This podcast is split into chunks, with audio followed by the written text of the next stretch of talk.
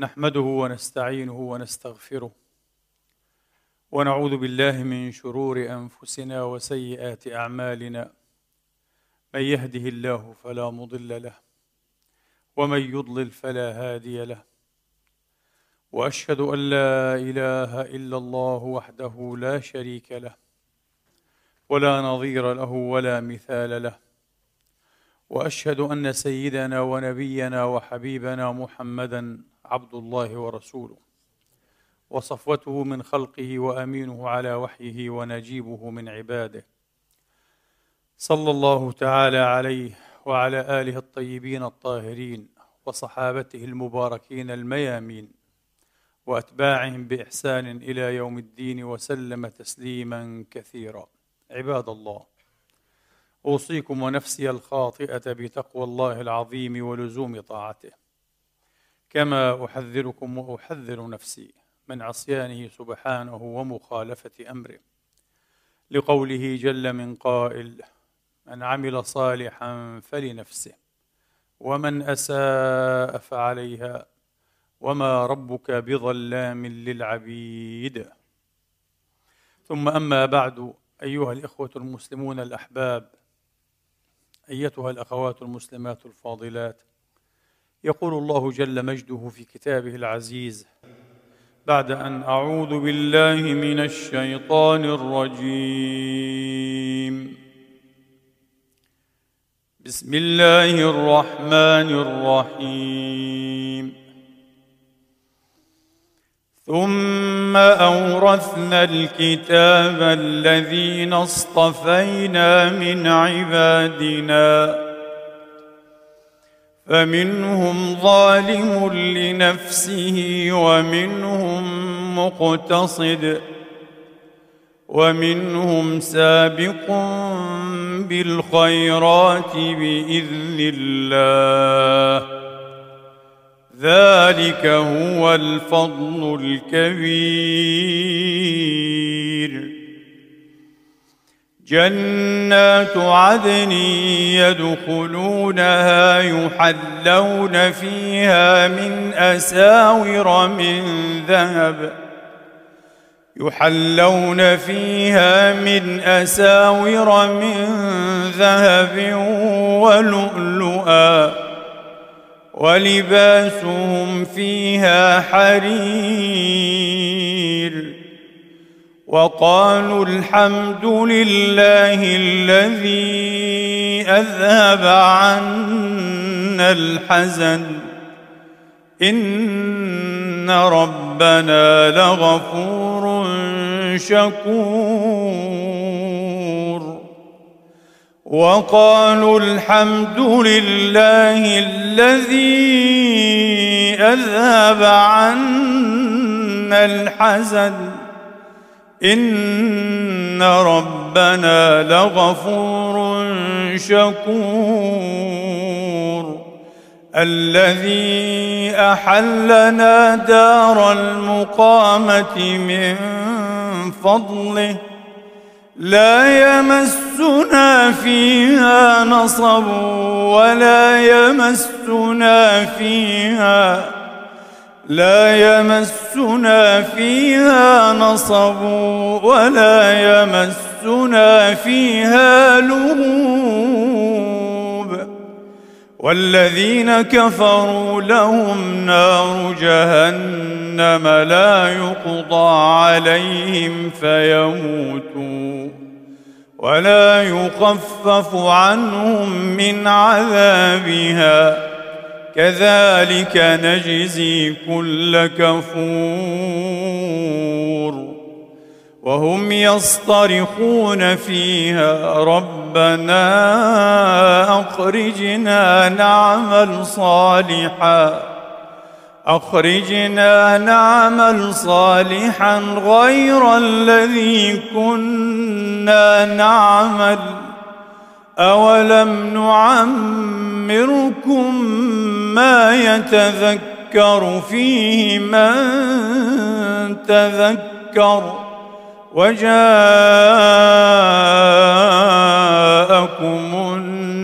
النذير فذوقوا فما للظالمين من نصير صدق الله العظيم وبلغ رسوله الكريم ونحن على ذلك من الشاهدين. اللهم اجعلنا من شهداء الحق القائمين بالقسط. آمين. اللهم آمين. إخواني وأخواتي وقالوا الحمد لله الذي أذهب عنا الحزن. إن ربنا لغفور شكور. عجيب أن يكون هذا القيل أو هذا القول أول قيل أهل الجنة بعد دخولهم الجنة وحلولهم المقامات. وآخر قيلهم الحمد لله رب العالمين طبعا كما نعرف جميعا. لكن أن يكون أول القول الحمد لله الذي أذهب عنا الحزن. أكثر من إشارة. بل فوق التصريح أن الحزن والحزن هو الحزن. حزن يحزن حزنا وحزنا. تولوا وأعينهم تفيض من الدمع حزنا ألا يجدوا ما ينفقون. أي حزنا. الحزن هو الحزن. نعم. أكثر من تصريح أن الحزن أو الحزن هو من آصل العواطف والمشاعر في النفس الإنسانية. أصيل جدا فوق ما يتصور. أكثر حتى الفلاسفة وعلماء النفس. ليس عاطفة عادية. ليس عاطفة عادية مع أنهم بلا شك طبعا وفقوا في أن يجعلوها ضمن العواطف أو الانفعالات الستة التي هي أسس المشاعر الإنسانية الكثيرة التي تبلغ الآلاف عدا. المشاعر الإنسانية بالألوف. ذكرنا مرة في خطبة قديمة عن عالم النفس الشهير عالميا بول إيكمان أنه يستطيع وأثبت هذا الرجل وذكر هذا في كتبه أن يميز بضعة آلاف بضعة آلاف معنى يقرأها في الوجه الإنساني شيء عجيب. بضعة آلاف. آه. شيء مخيف. لكن كل هذه المشاعر والعواطف والانفعالات ترتد وتأرز وتعود إلى ستة أصيلة الحزن في رأسها الحزن من بينها السعادة والحزن. وأنه هو أضحك وأبكى. شوف التعبير أنه هو الله الذي فعل هذا. تماما كما خلق النفس وسواها وألهمها فجورها وتقواها. ما من أحد أيها الإخوة بلا نزوع إلى الخير أو بلا نزوع إلى الشر. على تفاوت طبعا. والسعيد من غلب خيره شره. كذلك ما من أحد يخلو من هذه العاطفة التي يطيب لي أن أصفها وأنعتها بالوقورة. الحزن عاطفة وقورة وعاطفة ثقيلة وعميقة. بعضهم يصفوها بالنبل بالنبل. يقول أنبل العواطف الحزن. عجيب. هي ليست عاطفة خفيفة قطعا. بعبقريته النافذة. لاحظ أرسطو قبل الميلاد بنحو أربعة قرون لاحظ في كتابه بويتيكا أو فن الشعر حين يتحدث عن الدراما عن المأساة وعن الملهاة كوميديا. أن الكوميديا تناسب العامة وأنها خفيفة وسطحية وعادية. عادية كوميديا عادية فن عادي.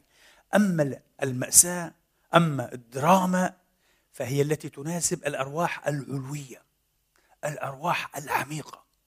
الأرواح الأرواح التي لها بعد خاص بعد مميز خاصة وتناسب الخاصة. وقورة وقورة بلا شك. نشعر نحن بوقار الحزن. معناها نخشاه جدا ونستعيذ بالله منه دائما. جريا في سنة حبيبنا المصطفى عليه الصلاة وأفضل السلام الذي كان يستعيذ حين يصبح بالله تبارك وتعالى بعد أن يقضي فرضه. اللهم إني أعوذ بك من الهم والحزن. أول شيء أعوذ بك من الهم والحزن. لأن أكثر الهموم تؤدي وتنفذ كما يقال الآن بالعامية. إلى إيه؟ الحزن. في هموم لا تؤدي إلى الحزن قليلة لكن أكثرها تؤدي إلى الحزن. والحزن إذا تمادى وتبيغ إنجاز التعبير كالآلام العضوية تتبيغ إذا تمادى وتبيغ بصاحبه تأدى إلى ماذا؟ إلى الاكتئاب الذي تحدثنا عنه حديثا خاطفا في الخطبة السابقة. إذا إخواني وأخوات النبي كان يستعيذ بالله من الهم والحزن ومن العجز والكسل ومن الجبن والبخل ومن ضلع الدين وغلبة وفي رواية قهر الرجال. عجيب عجيب. أوتي الحكمة عليه الصلاة وأفضل السلام وأول ما يستعذ به الهم والحزن فإذا تمادى الحزن بصاحبه تحول إلى ماذا؟ الاكتئاب مدمر مرض خبيث. تماما كالخوف. إذا تمادى بصاحبه يتحول إلى ماذا؟ أنكسايتي إلى القلق. شيء عجيب الحزن والخوف. الاكتئاب والقلق. والاكتئاب والقلق بإجماع كل علماء النفس حول العالم أشيع الأمراض العقلية في العصر على الإطلاق. الاكتئاب والقلق. ما في في رأس القائمة. وهذا سر أن القرآن دائما يطمئننا يعدنا يحفزنا على أن المؤمنين الصالحين اللهم اجعلنا من جملتهم يا رب العالمين بفضلك ومنك. أنهم لا خوف عليهم ولا هم يحزنون. لا خوف ولا حزن. لا قلق ولا اكتئاب. عجيب. عجيب. يعني أنسل أي عالم في علم النفس. قل له ما هي أشيع الأمراض العقلية أو النفسية؟ تفرق أصبحت الآن صعبة وتخومية. معروف قصة أخرى هذه. يقول لك معروف القلق والاكتئاب. ما في. إحصائيا واقعيا في العالم كله القلق والاكتئاب. قل له ما هو الاكتئاب؟ يقول لك حزن تمادى بصاحبه. الحزن العادي الذي يأتي ويمر لا هذا لا يسبب إيه أو ليس هو الاكتئاب. لكن إذا أقام وقعد هذا وتوطن وفرش كما يقال أه واستمر وتمادى. يتحول اكتئاب بالضرورة. هذا هو الاكتئاب. يتحول إلى اكتئاب. كذلك إيه؟ الخوف. عاطفة عادية. عاطفة عادية. العواطف الست الانفعالات الست هي ماذا؟ السعادة والحزن. السعادة والحزن. الدهشة والغضب. الخوف والاشمئزاز. هذه الست العواطف الرئيسة الأساسية في البشر جميعا. في البشر جميعا. ومنها تتفرع كل العواطف التي تعد بالألوف والمشاعر والانفعالات بالألوف من هاته الستة الرئيسة من هاته الستة الرئيسة آه. إذا هذا هو الاكتئاب أما الخوف إذا تمادى بصاحبه يتحول إلى قلق طيب بالعقل الحزن من ماذا؟ لا يكون الحزن مما سيأتي لا الحزن مما وقع أو هو واقع لكي لا تأسوا على إيه؟ آه ما أص... ما فاتكم ولا ما أصابكم. ما فاتكم ولا ما أصابكم. الأسى هو الحزن. جريف بالإنجليزية جريف سادنس أند جريف في تشابه كبير. الأسى والحزن. الجريف تأسوا. أسيان. حزين. لك أسيان. أصابه الأسى. لكن ليس الحزن والأسى هما إيه؟ الكآبة.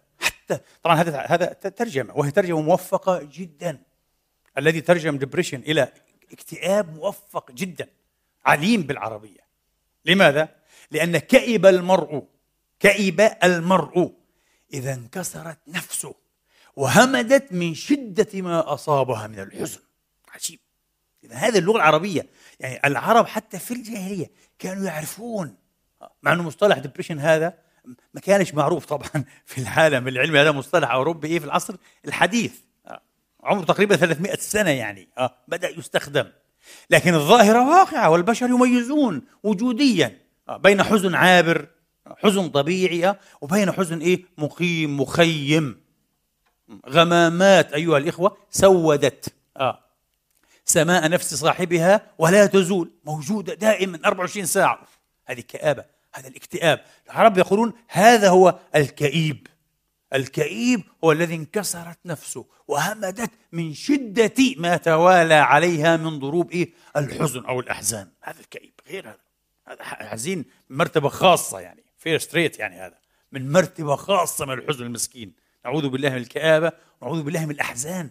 جنبنا الله وإياكم الهموم والأحزان. أسبابها وتواليها. أسبابها وتواليها. فالقرآن يقول لا اكتئاب ولا قلق.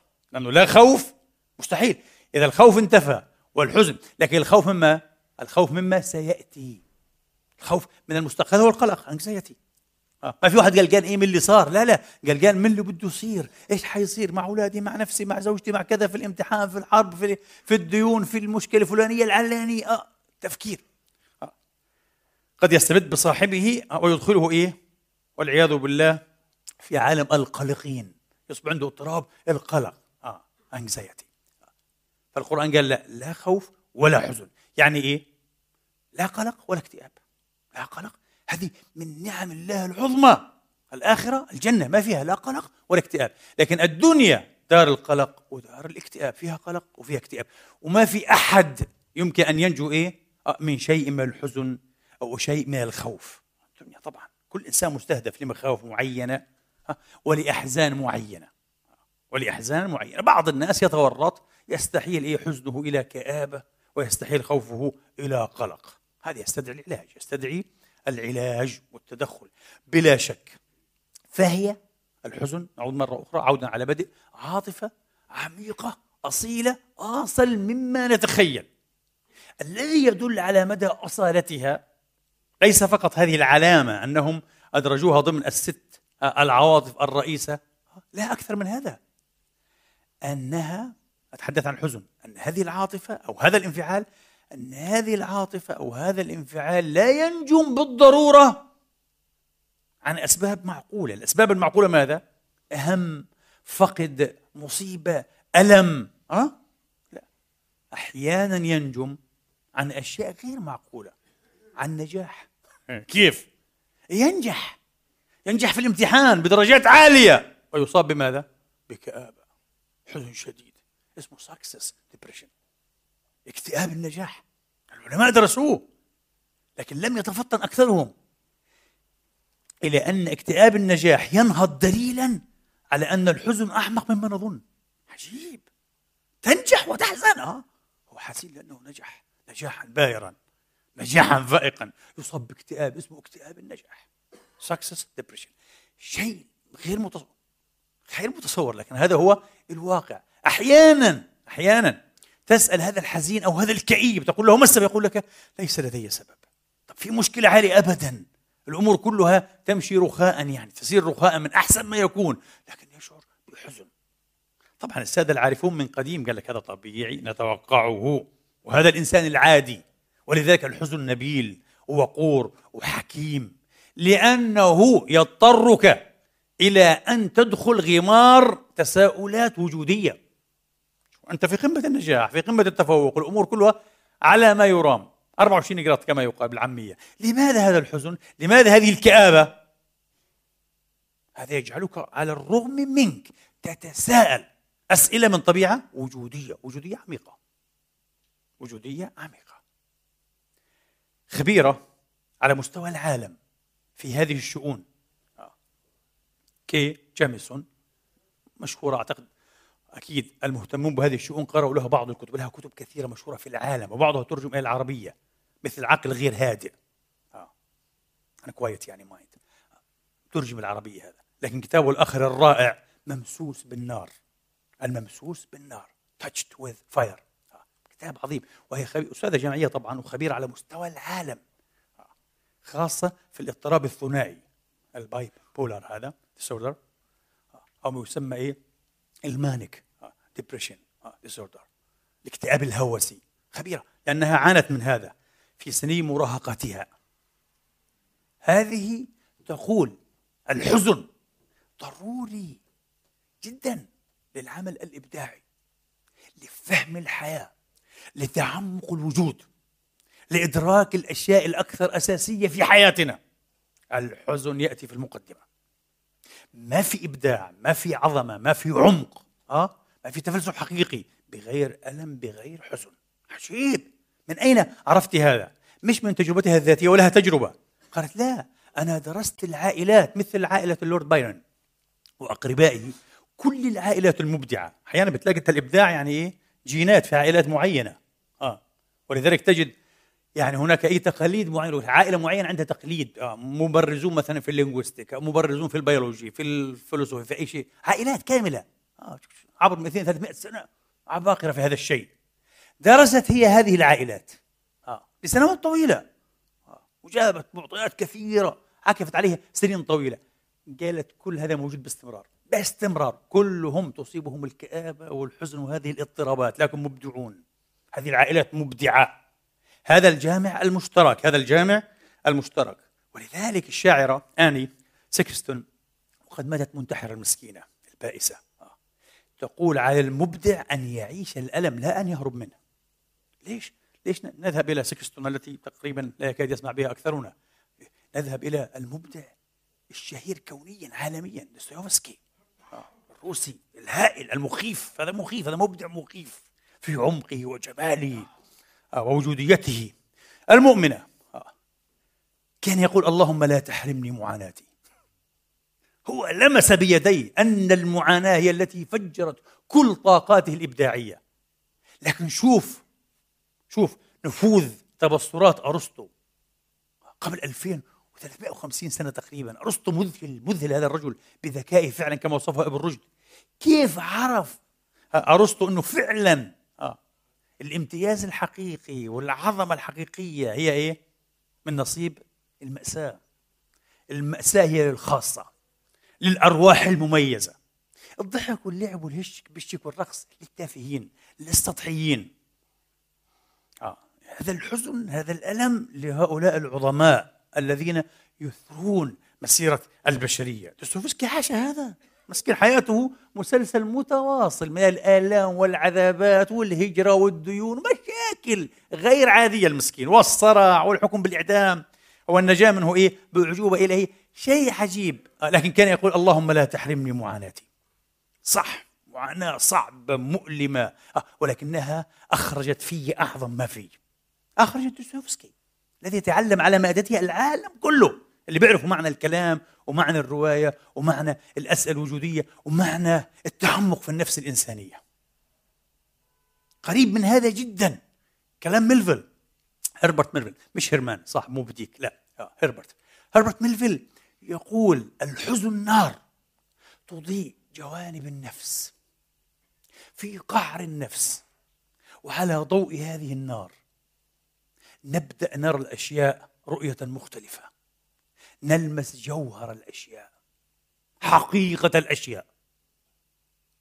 وبعد أن نشفى حتى يقول يعني حتى بعد أن نشفى وتنطفئ نار الحزن لا نعود نرى الأشياء كما كنا نراها من قبل. نظرة السذج البسطاء. لماذا؟ قال لأننا لمسنا جوهرها. لما حزنا لما نكبنا لما تألمنا لما عانينا استطعنا أن نرى الأشياء نظرة حقيقية. ولذلك ذكرت لكم مرة من على هذا المنبر حين لخصت لكم أطروحة عالم النفس الأمريكي من أصل إيراني ناصر غايمي يعني قائمي أكيد قائمي غايمي هم يكتبونه في كتابه جنون من طراز رفيع من طراز فريد first-rate madness في هذا الكتاب المهم جدا حقيقة والذي أثار ضجة حول العالم ويستحق. آه، هذا الرجل درس إيه؟ شخصيات مشهورة جدا في السياسة في الإعلام في المال في الأدب. وتقريبا كله على ما أذكر في القرن التاسع عشر والعشرين كلها كلها. من بينهم لينكولن طبعا وتيرنر مؤسس سي إن إن وطبعا آه، جون كينيدي وتشرشل آه، أبراهام لينكولن كثيرون. هؤلاء جميعا وجد أنهم يعانون من هذه الاضطرابات النفسية الاضطراب الثنائي بالذات. لكن دائما ما يثبتون غصب عنده نظرية أن الأمم في لحظة تأزمها الأمم والشعوب والدول في لحظات تازمها تحتاج إلى قادة من هذا الطراز بالذات. من هؤلاء البين مزدوجين اللي في نظر الناس مختلين يقول مختل عقليا مختل نفسيا هذا يعاني من هذا المرض. هؤلاء بالذات هم الذين ينجحون. وبالذات في اللحظات المفترق في اللحظات الحاسمة الخطرة. لماذا؟ لأن حزنهم المخيم اللي هو الاكتئاب طبعا. هذا الحزن المخيم هو اكتئاب. الكلب الأسود عند تشرشل طبعا. آه ال black dog آه. هذا الحزن المخيم هذه الكآبة تعطيهم ماذا؟ تعطيهم واقعية حقيقية. المهووس ال manic آه. الشخص المهووس. آه. لا لا يرى الأشياء واقعية. تقول له ممكن تطير على يقول لك آه ممكن أطير بجناحي على القمر. وين الجناحين؟ وين القمر وأنت؟ يقول لك آه هذا المهووس المهووس كل شيء عنده ممكن. طب ممكن تعمل رسمه كالموناليزا موناليزا إيه؟ أحسن منها. ورجيني. خربش بخربش خرابيش دجاج. المهووس يقول لك كل شيء ممكن. أنا ما في مني أنا أعمل. لذلك المهووس متعب جدا آه. ونار أيضا تشتعل فيه وفي من حوله. يعني يفهمك ان القريب آه. بعيد وأن البعيد جدا قريب جدا جدا وأن الثقيل خفيف. كل شيء عنده ممكن. لا ما ينفع. هذه خيالات. الهوس لا يقود الحياة. لكن آه واقعية المكتئب تكشف إيه؟ النقاب عن الحقيقة. واقعي. هؤلاء القادة العظماء يقول كايمي أثبتوا جميعا. آه. أنهم نجحوا لأنهم كانوا في اللحظات الحالكة واقعيين. الحزن يعطيك واقعية. الحزن يعطيك واقعية. الحزن يجعلك تفهم الوجود كما هو. لا كما صاغه الشعراء أو الحالمون أو المتأملون أو السذج من الناس والسطحيون. لذلك الحزن فعلا يليق إيه؟ يليق بالوقورين بالحكيمين. بالرزينين بالمهمين من البشر. سبحان الله. واحد يقول لي معناها هذه العاطفة اللي نستعيذ بالله منها لها جوانب إيجابية. طبعا لها جوانب إيجابية. طبعا. الشاعر الفرنسي المسكين الذي قضى سنوات في المصحة مصحة الأمراض العقلية أنطونيون آه أرتو.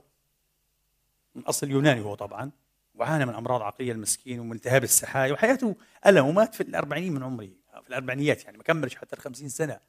كان يقول ما أبدع مبدع لا رسم رسام ولا نحت نحات ولا شعر شاعر ولا نثر ناثر ولا كتب كاتب مسرح أو غيره إلا وهو يستمد من نبع الحزن العميق من تجربة أليمة مر بها.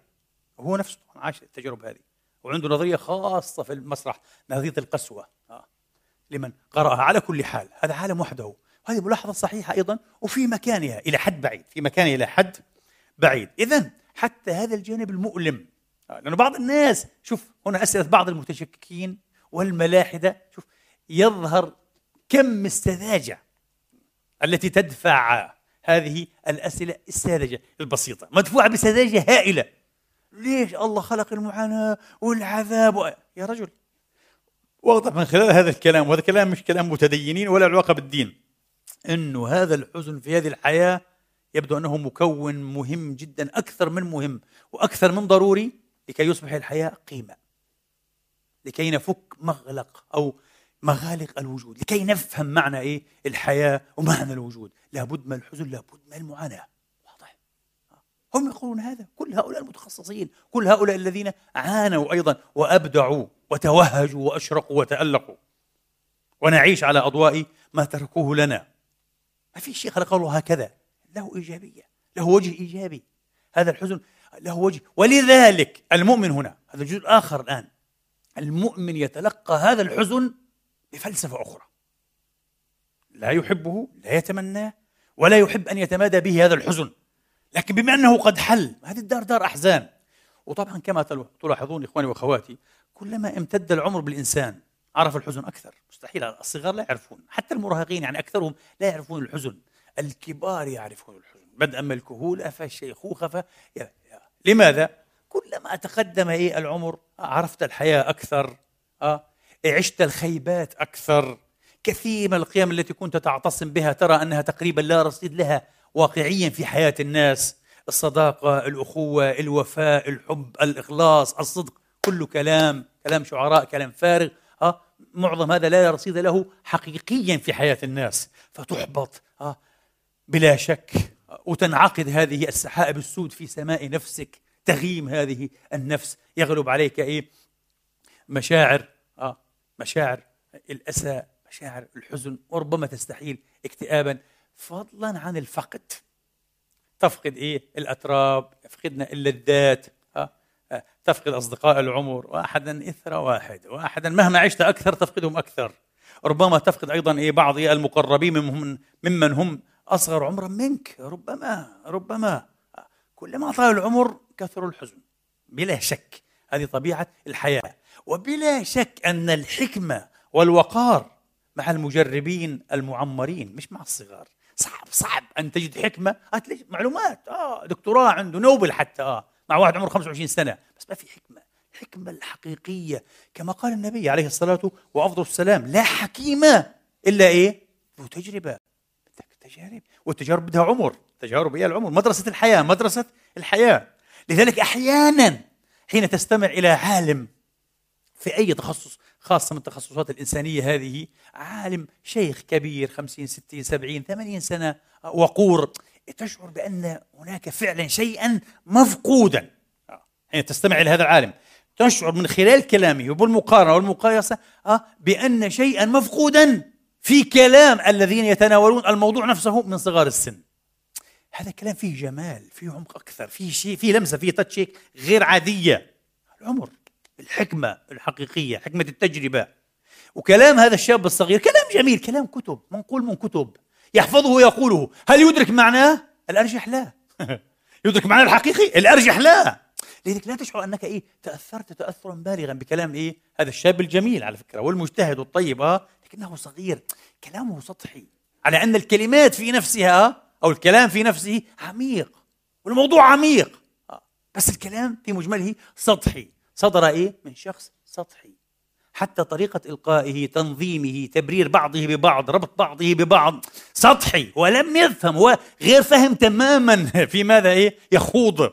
فيما هو خاض. بخلاف هذا الكبير المعمر المجرب الذي حنكته الأيام. حنكته الأيام والتجارب أو التجاريب. شيء مختلف. لذلك لا حكيم إلا ذو تجربة كما قال عليه الصلاة وأفضل السلام. إذا هذه إيجابية الحزن. في شيء إيجابي في هذا الشيء الرهيب المخيف الذي نخاف من شبحه. فلسفة المسلم يا إخواني أنه إذا حل الحزن ويبدو أنه لابد أن يحل مرة ومرات طبيعي. ومن حظ المحظوظين. اللهم اجعلنا من المحظوظين المجدودين دائما يا رب العالمين. أن الحزن في حياتهم فقره فصل. شابتر في كتاب كبير الحمد لله. آه. كما يقول الصينيون الحزن هو الطفل الصغير للفرح الكبير. الحزن هو الطفل الصغير للفرح الكبير. مش دائما. هذا يكون إيه محظوظا ويكون مجدودا بفضل الله تبارك وتعالى. المسلم حين يحل الحزن ويعلم أنه لابد أن يحل وأنه هو أضحك وأبكى أنه هو أضحك. محمد حزن ومرات كثيرة. على فقد بناته على فقد خيرة أصحابه على فقد عمه أسد الله على فقد ابنه الوحيد الذكر إبراهيم. آه. تخيل أنت تخيل نفسك لو عندك إيه؟ ابن ذكر وحيد. آه. تحتاجه. عندك بنيات لكن تحتاج إلى هذا الولد. آه. وخاصة في مجتمع عربي يرون أن الابن هو الذي يحمل اسم أبيه وهو سر أبيه. تحمله بين يديك وعمره زهاء. آه. يعني اقترب من السنتين ثمانية عشر شهرا. مش صغير يعني سنة ونص يمشي ويتكلم وبابا وماما ويضحك ربما إيه فاها بضع كلمات أو أكثر. آه. ويقضي يسلم نفسه بين يديك. إبراهيم مات بين يدي رسول الله.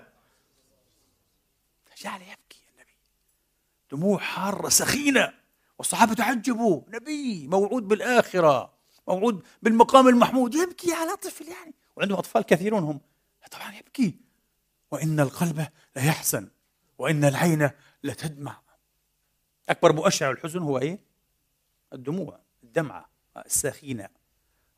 تولوا وأعينهم تفيض من الدمع حزنا ألا يجدوا ما ينفقون. إن القلب ليحزن وإن العين لتدمع ها وإن على فراقك يا إبراهيم لمحزنون ولا نقول إلا ما يرضي الرب أو قال إلا ما يرضي الله. هذا هو المسلم. المسلم يا إخواني بكلمة للأسف بقي لدينا. دقائق معدودة حتى لا يدخل وقت العصر. المسلم يتعلم من عمق دينه أنه لا بد أن يسير بحزنه. يصاحب هذا الحزن.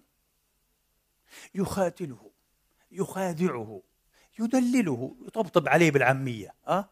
حتى يأتي الفرج ويعلم أن أفضل العبادة انتظار الفرج. كما ورد عن رسول الله عليه الصلاة والسلام وإن كان الحديث ضعيفا لكن المعنى صحيح حتما. هذا ما العبادة. ولذلك في حديث إيه رسول الله الشهير جدا. الحديث الذي ألفت كتب في شرحه. حديث ابن عباس في آخره. واعلم أن النصر مع الصبر. بدك نصر بعد الإعداد في صبر. وأن الفرج مع الكرب. يا سلام. شوف ما في. شاء الله ضاقت فلما استحكمت حلقاتها فرجت وكنت أظن. إذا في كرب في كروب.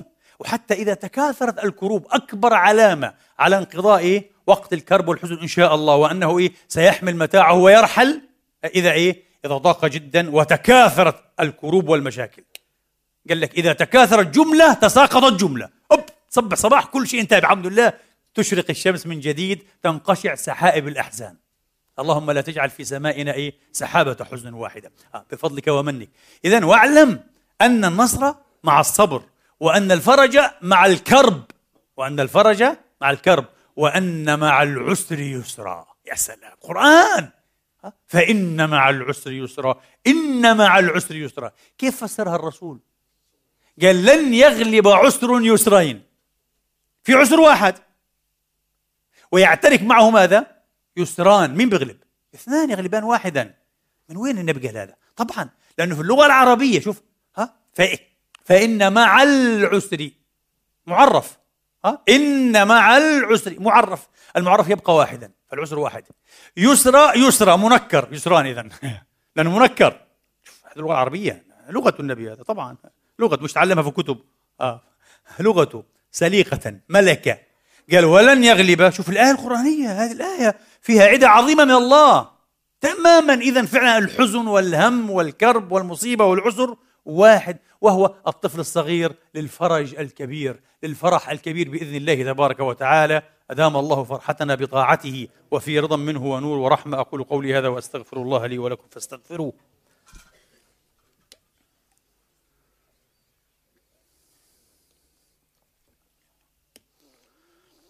الحمد لله الحمد لله الذي يقبل التوبة عن عباده ويعفو عن السيئات ويعلم ما تفعلون. ويستجيب الذين آمنوا وعملوا الصالحات ويزيدهم من فضله والكافرون لهم عذاب شديد. وأشهد أن لا إله إلا الله وحده لا شريك له وأشهد أن محمدا عبده ورسوله. صلى الله تعالى عليه وعلى آله وأصحابه وسلم تسليما كثيرا. اللهم اهدنا فيمن هديت وعافنا فيمن عافيت وتولنا فيمن توليت. اللهم زدنا ولا تنقصنا وأكرمنا ولا تهنا وأعطنا ولا تحرمنا وارض عنا وأرضنا برحمتك يا أرحم الراحمين. جنبنا الفتن ما ظهر منها وما بطن. اللهم بلغنا مما يرضيك آمالنا واختم بالسعادة آجالنا وبالباقيات الصالحات أعمالنا وتوفنا وأنت راض عنا برحمتك يا أرحم الراحمين. عباد الله إن الله يأمر بالعدل والإحسان وإيتاء ذي القربى وينهى عن الفحشاء والمنكر والبغي. يعظكم لعلكم تذكرون. وأقم الصلاة.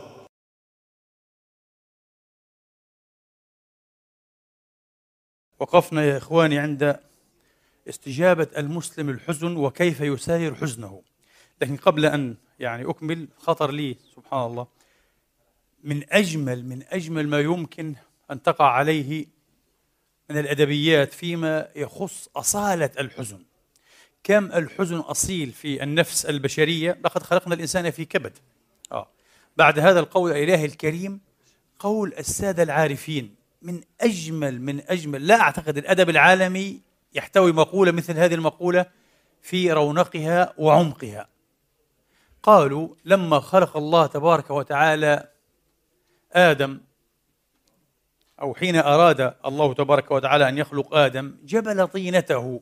فلم تتماسك طينة آدم تتبثول كما نقول بالعامية لم تتماسك فصب عليها من ماء الحزن فتماسكت شيء تقشعر له الأبدان من أين فهموا هذا؟ إيش العمق؟ إيش الجمال هذا؟ إيش الرونق؟ يعني الإنسان مصوغ مخلوق من طينة مجبولة بماء الحزن طبعا في نظر هؤلاء العارفين عرفنا الله وإياكم به سبحانه وتعالى انه هذه الأصالة مردها ماذا؟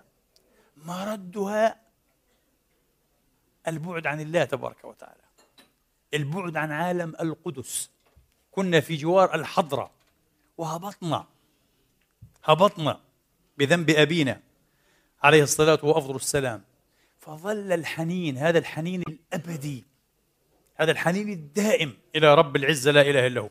وفي نظري أنا مؤمن بهذا إيمانا جازما أنه هذا الذي يبرر كل صور وضروب وأنواع اكتئاب النجاح. مش النجاح النجاحات. كل أنواع النجاحات. وما من أحد إلا خبر صورة من هذه الصور. بعد أن يحقق ما كان يرسم ويخطط له ربما أشهر أشهرا أو سنين. أنجزه صار حاضرا أمامه يشعر بشيء من كآبة بعد ذلك. هذا صورة من صور اكتئاب النجاح. لماذا؟ إشارات من الغيب من الماوراء من الحضرة. لمن يفهمها؟ فهمنا الله وإياكم. لمن يلتقطها؟ يقول لك ليست هذه الغاية. ليس هنا تلقى عصا التسيار. ليس هنا. مش هنا. مش هنا يا عبدي. لذلك فعلا في القلب خلة لا يحب لا, لا يسدها إلا الله تبارك وتعالى. فجوة كبيرة هيك. حتى الملاحده اقروا بها. جان بول سارتر مونتسكيو في, وقته ماركس ها وسموه ثقب الله. إيه؟ لاحظوا إنه هذا موجود رغما عنا. وهذا والعارفون بالله من مئات السنين. قالوا في القلب خلى فجوة الخلل من خلاله الفجوات خلل الباب. في خلة في فجوة كبيرة لا يسدها إلا الله. ما لم تكن لك هذه العلاقة بالله تبارك وتعالى. ذلك الحب التتيم العشق الإلهي الصلة الخاصة بالله. صلة خاصة بالله. بينك وبين الله ستبقى حزينا. لذلك أفرح العباد وعلى فكرة تلمسون هذا والله لمس اليد. تجد أن الناس المنشغلين بالله الصادقين مع الله اللي عندهم هذه العلاقة الخاصة بالله. تعلو وجوههم باستمرار فرحة. تجي 90 سنة في فرحة وفي شبوبية وفي نضارة وفي غضارة شيء عجيب أقسم بالله. طيلة حياتي ألمس هذا الشيء. شيء لا تجدوه إلا في أهل الله في أولياء الله. في الناس أصحاب الصلة تلك الصلة مع الله. إيش الجمال إيش الرونق إيش النضارة الغضارة الطراوة الهدوء السكينة. مع الله مع الله. وطبعا لا يصابون يصابون. ما من أحد إلا يصاب ويبتلى بأشياء كثيرة أليس كذلك؟ لكن لا تؤثر أيها الإخوة في عنده إيه؟ رصيد كبير يمتح منه العلاقة بالله تبارك وتعالى يقول ونعود الآن إلى موضوعنا يقول عليه الصلاة وأفضل السلام ما أصاب إيه؟ مسلما أو ما يصيب المسلم من نصب ولا وصب ولا هم ولا حزن حتى الشوكة حتى الشوكة يشاكها إلا كفر الله به من سيئاته. إيش بدك أكثر من هيك؟ هذا هذا سبورت دعم مش دعم اجتماعي هذا. ها؟ دعم إلهي. يقول لك إيه الدعم الاجتماعي؟ Stützung أو support آه social support يقول لك هذا مش دعم اجتماعي. دع divine هذا support دعم رباني دعم قدسي إلهي. الله يقول لك كل شيء يؤذيك يا عبدي له أجره. اصبر. اصبر. ولذلك يقول عكرمة تلميذ آه ابن عباس مولى ابن عباس رحمة الله عليهم جميعا يقول عكرمة ما من أحد إلا يفرح ويحزن. ولكن اجعلوا الفرح شكرا والحزن صبرا. يا سلام فلسفة هذه. ما بدنا دعم نفسي واستشارات. عندنا استشارات في ديننا بفضل الله وناس عميقين. وزي ما قلنا الإمام علي كان يقول سر بدائك ما سار معك. عندك داء ألم سايره.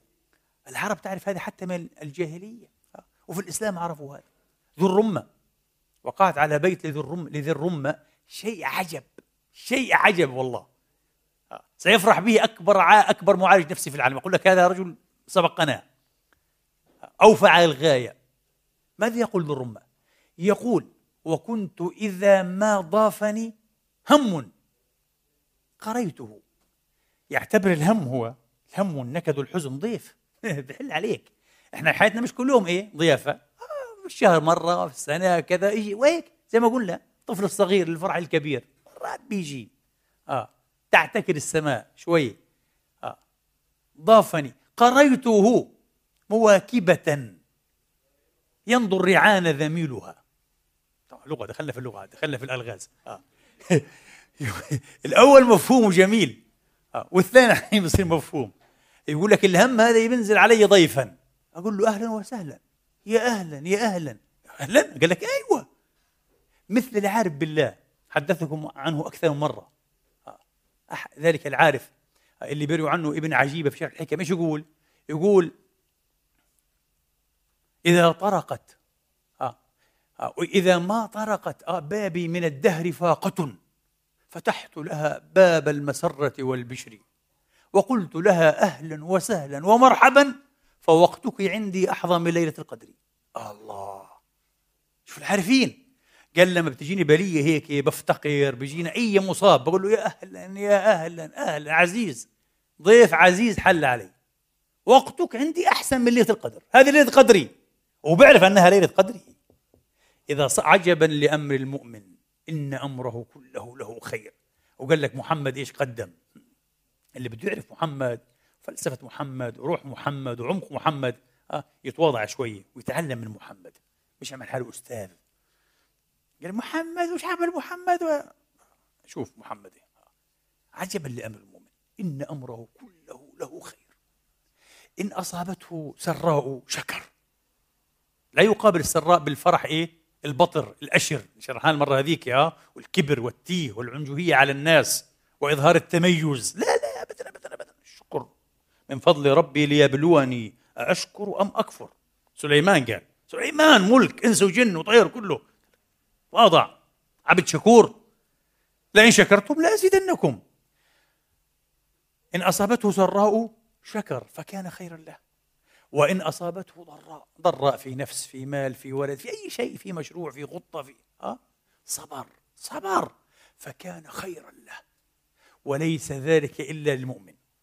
طبعا لن أحدثكم والكتب ملأى غاصة بقصص الصابرين. كتب عندنا كتب في التراث الإسلامي قصص واقعية كلها. بالأسماء مين اللي صبروا؟ إيش فقدوا؟ كيف صبروا؟ كذا. وحتى القصة الواقعية تجدون انماطا منها ونماذج في اليوتيوب. شيء مذهل في هذه الأمة المباركة والله العظيم أو في المباركين من هذه الأمة. شيء مذهل؟ استمعت. قبل فترة للعلامة المصري يحيى الرخاوي. آه. مد الله في عمره.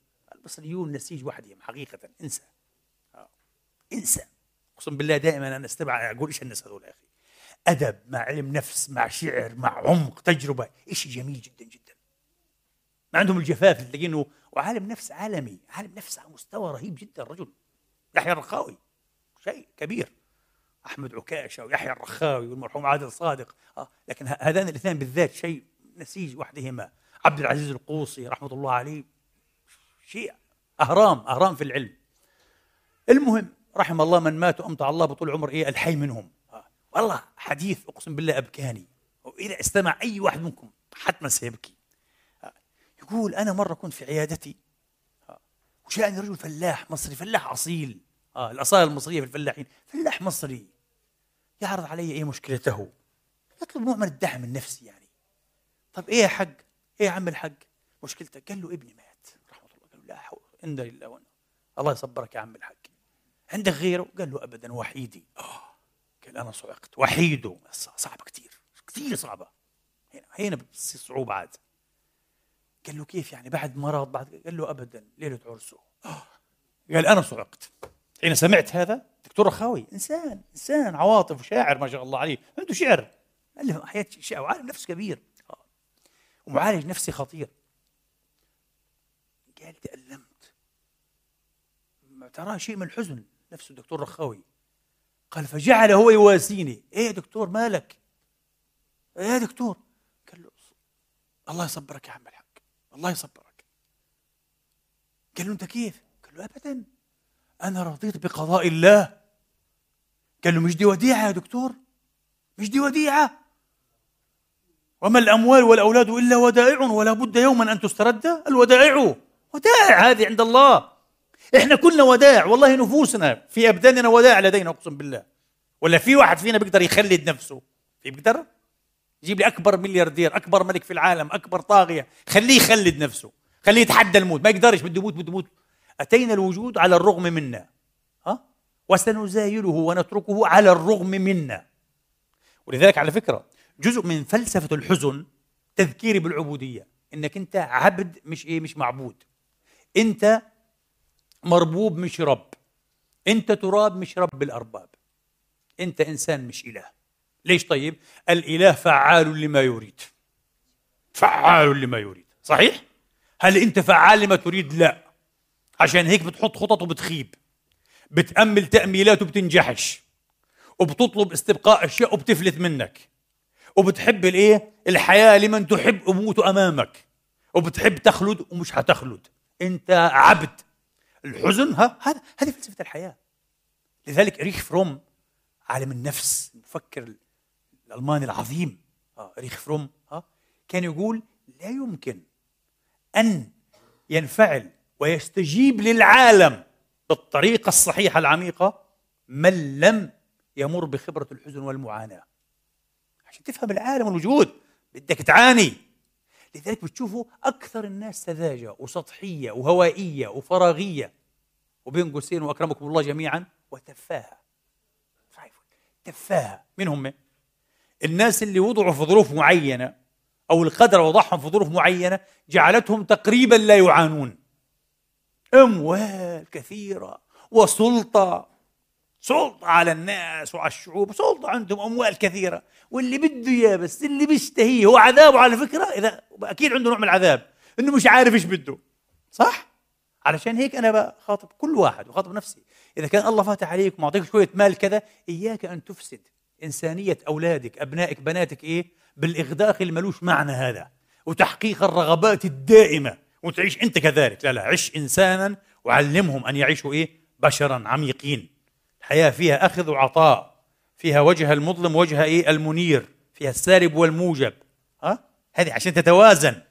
لذلك كارل جوستاف يونغ أه؟ مؤسس أيضا إيه؟ كبير جدا لمدرسة خاصة في التحليل النفسي إلى جانب طبعا إيه؟ زميلي الأول فرويد اللي انشق عنه سويسري يونغ. إيش يقول؟ يقول لا معنى للبهجة والفرحة في حياتنا ما لم يعادل بشيء من الحزن والمعاناة. فرحة مستمرة بهجة مستمرة سعادة سخافة سطحية بتصير. إنسان سطحي بصير تافه. لكن لما تعادل هذه الأشياء أضحك وأبكى. أه؟ بشيء يبكي بشيء يؤلم بشيء إيه؟ يرهق. آه بصير الإنسان معنا بيبدأ يتوازى الإنسان. هذاك هيك ماشي. آه؟ مشوه. هو مشوه المسكين مش عارف حاله مشوه. فكر حاله شغله كبيره هو مشوه. وإحنا بنشوفه شائها. نراه شائها ناقصا. ما بتوازن إلا إيه؟ الإنسان بجناحين صح؟ بطرفين. بخبرتين بمعنيين بفلسفتين في الحياة. وهذا واضح يا إخواني؟ فالمهم فقال إيه أنا فقال له يا دكتور مش كده؟ قال له كده يا عم الحق الله يصبرك يعني بس أنا يعني أحسه بالدكتور وبدأ هو يعالجه. قال تعلمت منه. قال له أنا رضيت بقضاء الله. ودي وديعة. والله تبارك وتعالى استرد وديعته. قال له طب أنت يعني طب جاي ليه؟ قال له ساعدني شوي ساعد كلمة كلمتين هي لذلك هنا شوف فلسفة العزاء في الإسلام. من عز مصابا صلى الله على معلم الناس كل الخير والله. من عزى مصابا فله مثل أجره. تعرفوا علم النفس حاجة يسموها sympathy آه؟ شو sympathy إنك تراعي مشاعر الآخرين تحاول تتفهمها هذه شغلة آه يعني الحد الأدنى في الإنسان. في شيء عمق الإنسان. empathy مش sympathy empathy empathy بسموه التقمص الوجداني. تحاول تحط نفسك مكانه. تتخيل أنت اللي فقدت ابنك الوحيد عاد. مش هو أنت. ويوم عرسه. شوف شوف القدر. القدر عجيب. عنده ضربات عجيبة. يا نائم الليل مسرورا إيه؟ بأوله إن الحوادث قد يطرقن أسحارا. شيء عجيب يعني. ابنه البعيد اللهم لا تبتلنا وتدخلنا في تجربة ومحنة. ابنه الوحيد ويوم عرسه يموت. يا الله والله صعبة صعبة كثير والله. والله تبكي الصقر الجمود. عشان هيك الدكتور الرخاوي تأثر جدا المسكين وظهر عليه جعل يواسيه هذا. قال له تساعدني ساعدني بكلمتين كذا باي حاجة. فطبعا ولما سألوا الدكتور يعني هو مش محزون مش مكتئب قال بلى هو حزين وكئيب. طب كيف أجاك ويطلب العلاج؟ قال هذا الفرق عاد.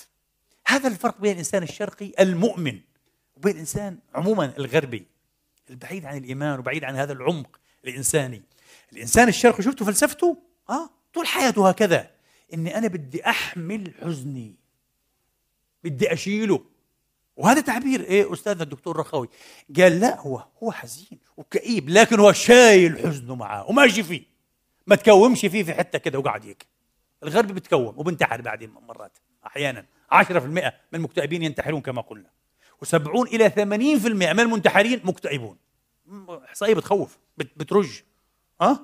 لا هذا حامل همه وحامل حزنه وماشي فيه. والحزن هذا ما أفسدش عليه إيمانه.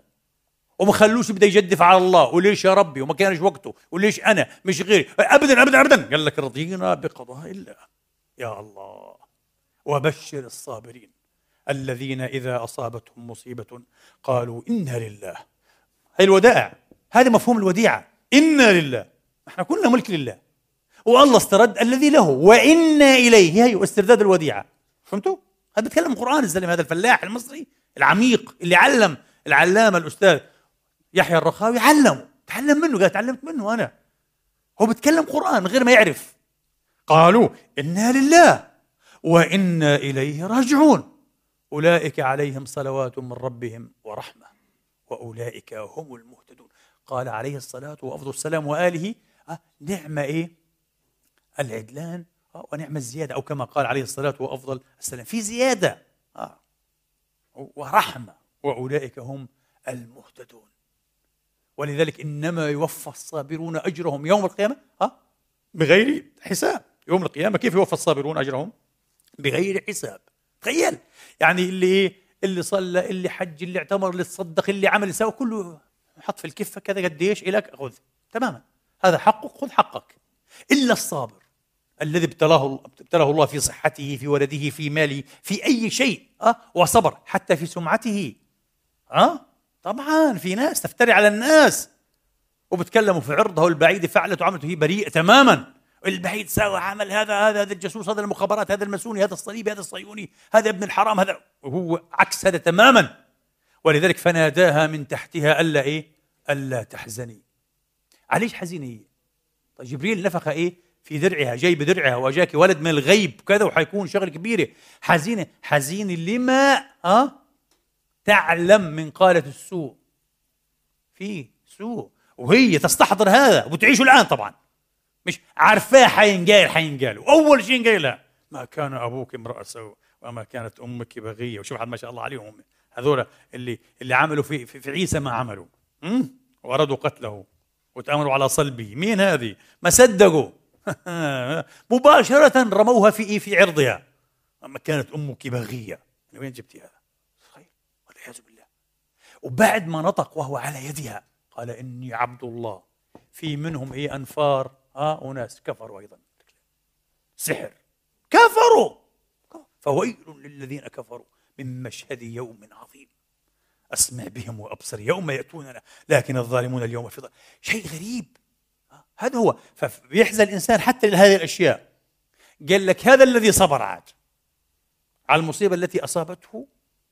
وتعزى بالصبر يوفى أجره بغير حساب. يا الله. بغير حساب. بغير حساب. جزافا. بسموه الجزاف. هذه المجازفة. شو مجازفة يعني؟ بيجيك واحد تقعد تكيله ها؟ نص لتر لتر هذا الحساب. والجزاف بديك هيك. معك كيس هذا. بقول له خذ خذ خذ خذ بتعرفش قديش أعطاك؟ 50 لتر 70 لتر كذا ما تعرفش. آه الله إيش هذا؟ بقول لك جزاف. أعطاه جزافا. ما حاسبش ما عدش. وشوف جزاف الله عز وجل. جزاف الله كيف حيكون؟ لما الله إيه؟ ها يعطيك إيه؟ بغير حساب. إيش حيعطيك؟ يا الله. هذا بخلي طبعا. شوف هذا الفلاح المصري البسيط؟ ما هو عالم ولا دارس ولا دكتور ولا بروفيسور. ابن الوحيد. صابر. قال لك رضينا بقضاء الله. لا نقول إلا ما يرضي الله. الله استرد وديعته. إيش عمل؟ الحمد لله يا دكتور. بس ساعدني بكلمتين. نساعد بعضنا. عشان هيك تيجي فلسفة برضه هيك ما قلنا إلا عزاء. من عز مصابا فله إيه؟ مثل أجري. هذا مهم أن نستحضره. ولذلك آه ارجعوا وحتشوفوا الأدبيات الكثيرة في قصص الصابرين. وطبعا الأحاديث والآيات والأشياء والله تراث عجيب أقسم بالله. في الدراسات النفسية المتخصصة اليوم إخواني وأخواتي المفروض أن أختم خلاص. في الدراسات النفسية المتخصصة عموما الشعوب الشرقية الأدنوية والأقصوية حتى هذه في الهند والصين وكذا. في الصين مثلا نسبة الانتحار نسبة الاكتئاب نسبة الأشياء أقل. آه. قليلا إيه من غيرها. ليش طيب خاصة في الرجال النساء أكثر؟ لأنه هذه مرتبتهن خاصة الفلاحات مسكنات. آه. هضم وظلم. قال لك للإيمان بالقضاء. في الكتب المتخصصة قال لك بيآمنوا إيه بالقضاء إنه هذا مكتوب. بما إنه مكتوب والله بده إياه والله كذا فخلاص نرضى به. فيها خير فيها حكمة فيها سر فيها مغزى يعني مش فاهمينه. فبصبرك هذا. دعم كما أقول دعم إلهي.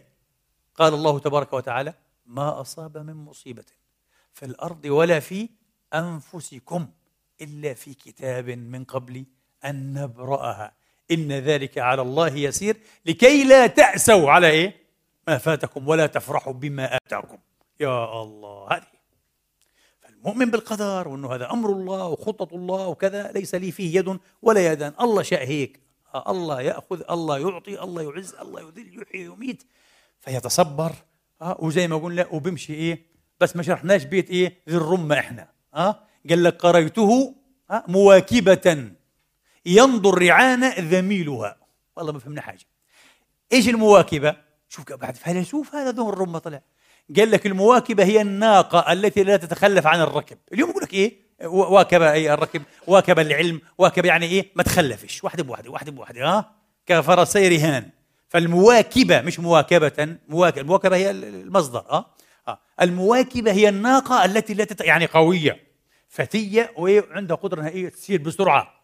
قال مواكبة يمضوا الرعان. شو الرعان؟ أنوف الجبال. يعني بتصير مسافات بعيدة وممكن تصاعد كمان. أصعب شيء على الحيوان إنه إيه؟ وعلى الإنسان إنه إيه؟ أن يصاعد. بيقطع النفس هذا متعب جدا. قال هي ممكن حتى تسير وتصاعد وتبلغ حتى القمم. تمشي قوية فتية. يمضو أن يقطع يقطع أنوف الجبال ذميلها. ذملت الدابة إذا سارت سيرا سريعا لينا. زي مرسيدس 2019 تنهب الأرض نهبا بسهولة. أه؟ ست سلندر مش عارف 300 PS ولا 400 PS بسهولة. فإيش قصده ذو الرمة بالكلام هذا؟ قصده يقول أنا لما بيجيني الهم وبنزل علي ضيف أنا بحتاط له أه؟ وبسايره إيه سيرا؟ طويلا. لأنه هذه الناقة هذه حتصير مسافات بعيدة هذه صح؟ إيش بتصير؟ فقال أنا بحط بقرأ كما يقول الأخوة بقرأ حسابي يعني بحط في حسابي بحط في اعتباري إيه؟ إن الحكاية مطولة شوي ولا بأس. أنا عندي ركوبة تكفيني. شو قديش بدك يا حزن؟ شهر شهرين معك سنه سنتين برضه معك وحتروح وحتولي وحتمشي وحترجع الحياة كويسة إن شاء الله تعالى. يا سلام. اليوم بتقرأ أنت في العلاج النفسي اللي بسموه العلاج السلوكي المعرفي cognitive behavioral therapy ها العلاج إيه؟ السلوكي العقلي أو المعرفي من أهم الأشياء ومن أهم الأشياء اللي بيحاول المعالج النفسي يصيلها إنه إيه؟ إنه يتأكد إنه هذا المريض الدبريست المسكين المتبلغ بالكامل في عنده شوية أمل أو نخلق له هذا الأمل. ما عندوش لازم نخلق له. إذا عنده أمل بيأمل في شيء متشبث في شيء إن شاء الله خير. مش حينتحر. شفتوا؟ خاصة المكتئب ذهانيا آه؟ الاكتئاب الذهاني هذا. آه. للأمل. أفضل العبادة انتظار الفرج. ما دام بتامل خير إن شاء الله. تنفتح الأبواب. صح ولا لا؟ يوم عن يوم ساعة عن ساعة الله إيه؟ يجعل فرجا. وبين لحظة ولحظة مرات يأتي الفرج. والله مرات بين لحظة ولحظة يأتي إيه؟ الفرج القريب اللي انت ما كنت تفكر تفكره حتى بعيد أو مش جاي. يأتيك. تختلف الأمور كلها بعون الله تبارك وتعالى. فنخلق هذا الأمل. نخلق هذا إيه؟ الأمل. طيب من بين الوسائل اللي بنعمل فيها على خلق هذا الأمل إن نشيع هذه الفلسفة. إنه سر بحزنك. صاحبه. أكرمه. عشان هيك في شغلة مهمة جدا آه اسمها احترام الحزن. احترم حزن الناس. احترم المأساة. احترم المعاناة. ما تقللش منها. يا أخي إيش في يا أخي؟ كذا. لا إياك. تفهم هذا جيدا. يعني ممكن تكون مصيبته هذا بسيطة. ما تقولوش يا أخي غيرك خسر قدك عشر مرات وكذا لا لا لا. غير بيختلفوا الناس بيختلفوا. فروق فردية صح ولا لا؟ طاقة التحمل. حتى المعتقدات والرؤى الكونية كانت تختلف من فرد لفرد. هو شعر إنه هذا إيه نكسة كبيرة. آه أنت تفهم هذا. واحترمه وعلمه كمان. أن يحترم مصابه وحزنه. لكن علمه إيه؟ إنه ما يستسلمش له ما يغرقش فيه. ما يضعفش أمامه. احترمه آه وخذه وزي ما قال الدكتور يحيى وشيله ودلله وطبطب عليه وامشي بيه. امشي زي ما تمشي هذه إيه؟ الناقة المواكبة. أسبوع أسبوعين ثلاثة بضعف بضعف بضعف. وفعلا قال لك كل شيء ها كل شيء ممكن إيه؟ يبدأ إيه؟ من هذه الأشياء. يبدأ كبير بعد فترة إيه؟ يعود صغيرا.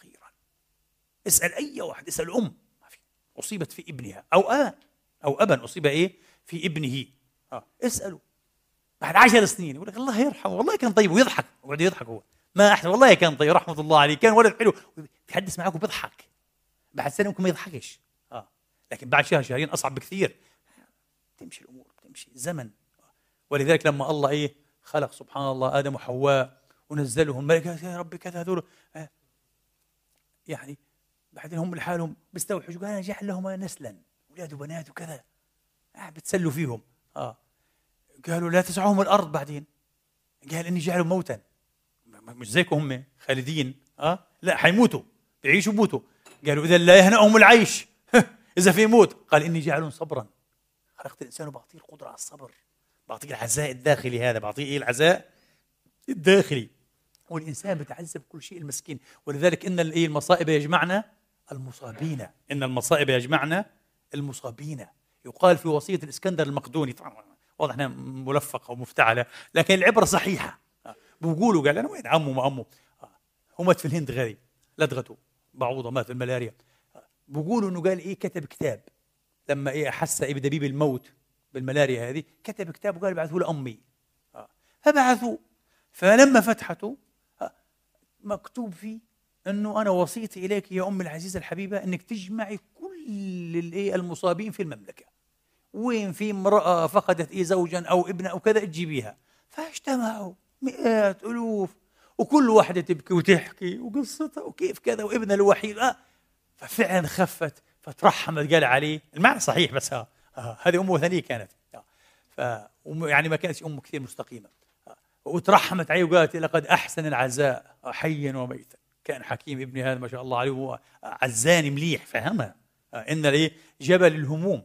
آه مقالة قديمة لذلك نجيب محمود ارجعوا المهم آه جبل الهموم كل واحد بيجي بيرمي همه. برمي برمي بتكون كومة كبيرة. بعدين قال لك خذ اللي بدك إياه فكل واحد رجع بهمه. جميلة. آه فكرة أدبية فلسفية حلوة. آه جبل الهموم. ليش؟ ليش طيب؟ لأنه ما بيعرف كل واحد فينا. قال لك أنا جربته؟ شفت؟ آه الناقه تبعت ركبتها وكذا وسيرتها ودلعتها وتكيفت معاه ادابتيشن آه عملت له تكيف. فما بعرف ممكن الهم الثاني ومبادئ صغيرا يرهقني يدمرني ما يمكن ما يتحملوش. لكن همي وعرفته أنا أولى به فرجع كل واحد بهمه وقال لك ما ضلش إيه ولا إيه شيء في هذا الجبل. فالإنسان يطلب حتى المواساة من العجماوات آه يعني في أبيات لأبي الحسين النوري في قمة اللطافه سبحان الله هذول الصوفيين عندهم أحيانا مرات لأنه هذول بيعيشوا المعنى كما قلنا بيعيشوا إيه؟ المعنى والمغزى والهدف. إيش يقول أبو الحسين رحمة الله عليه؟ آه؟ يقول رب ورقاء هاتوف في الضحى. شيل الورقاء. آه الحمامة المطوقة هذه آه؟ رب ورقاء هتوف في الضحى. ذات أو ذاتي عفوا. ورقاء ذاتي. ذات شجو صدحت في فنني. ذكرت إلفا. يبدو فرق إيش؟ أليفا ذكرت إلفا وعهدا ماضيا فبكت حزنا فهاجت حزني. شوف بيطلب العزاء حتى من إيه؟ بقول لك هذه قاعدة بتبكي زي هو بيبكي على فراق الله عز وجل وعلى كذا كذا ممكن آه وهي بتبكي زي شفتوا؟ حتى هذه الورقاء الله بعث لي اياها تسليني وتعزيني. رب ورقاء هاتوف في الضحى ذات شجو صدحت في فنني آه، ذات شجو صدحت في فنني. ذكرت إلفا وعهدا ماضيا وفي رواية صالحة. وعهدا ماضيا فبكت حزنا فهاجت حزني. ولقد أبكي. ولقد أشكو عفوا. ولقد تشكو فما أفهمها. ولقد إيه؟ تشكو فما أفهمها. ولقد أشكو فما تفهمني. غير أني بالجوى أعرفها وهي أيضا بالجوى تعرفني. كان عارفين بعضنا إحنا. إحنا فريق المعذبين فريق الحزانة فريق الغلابة.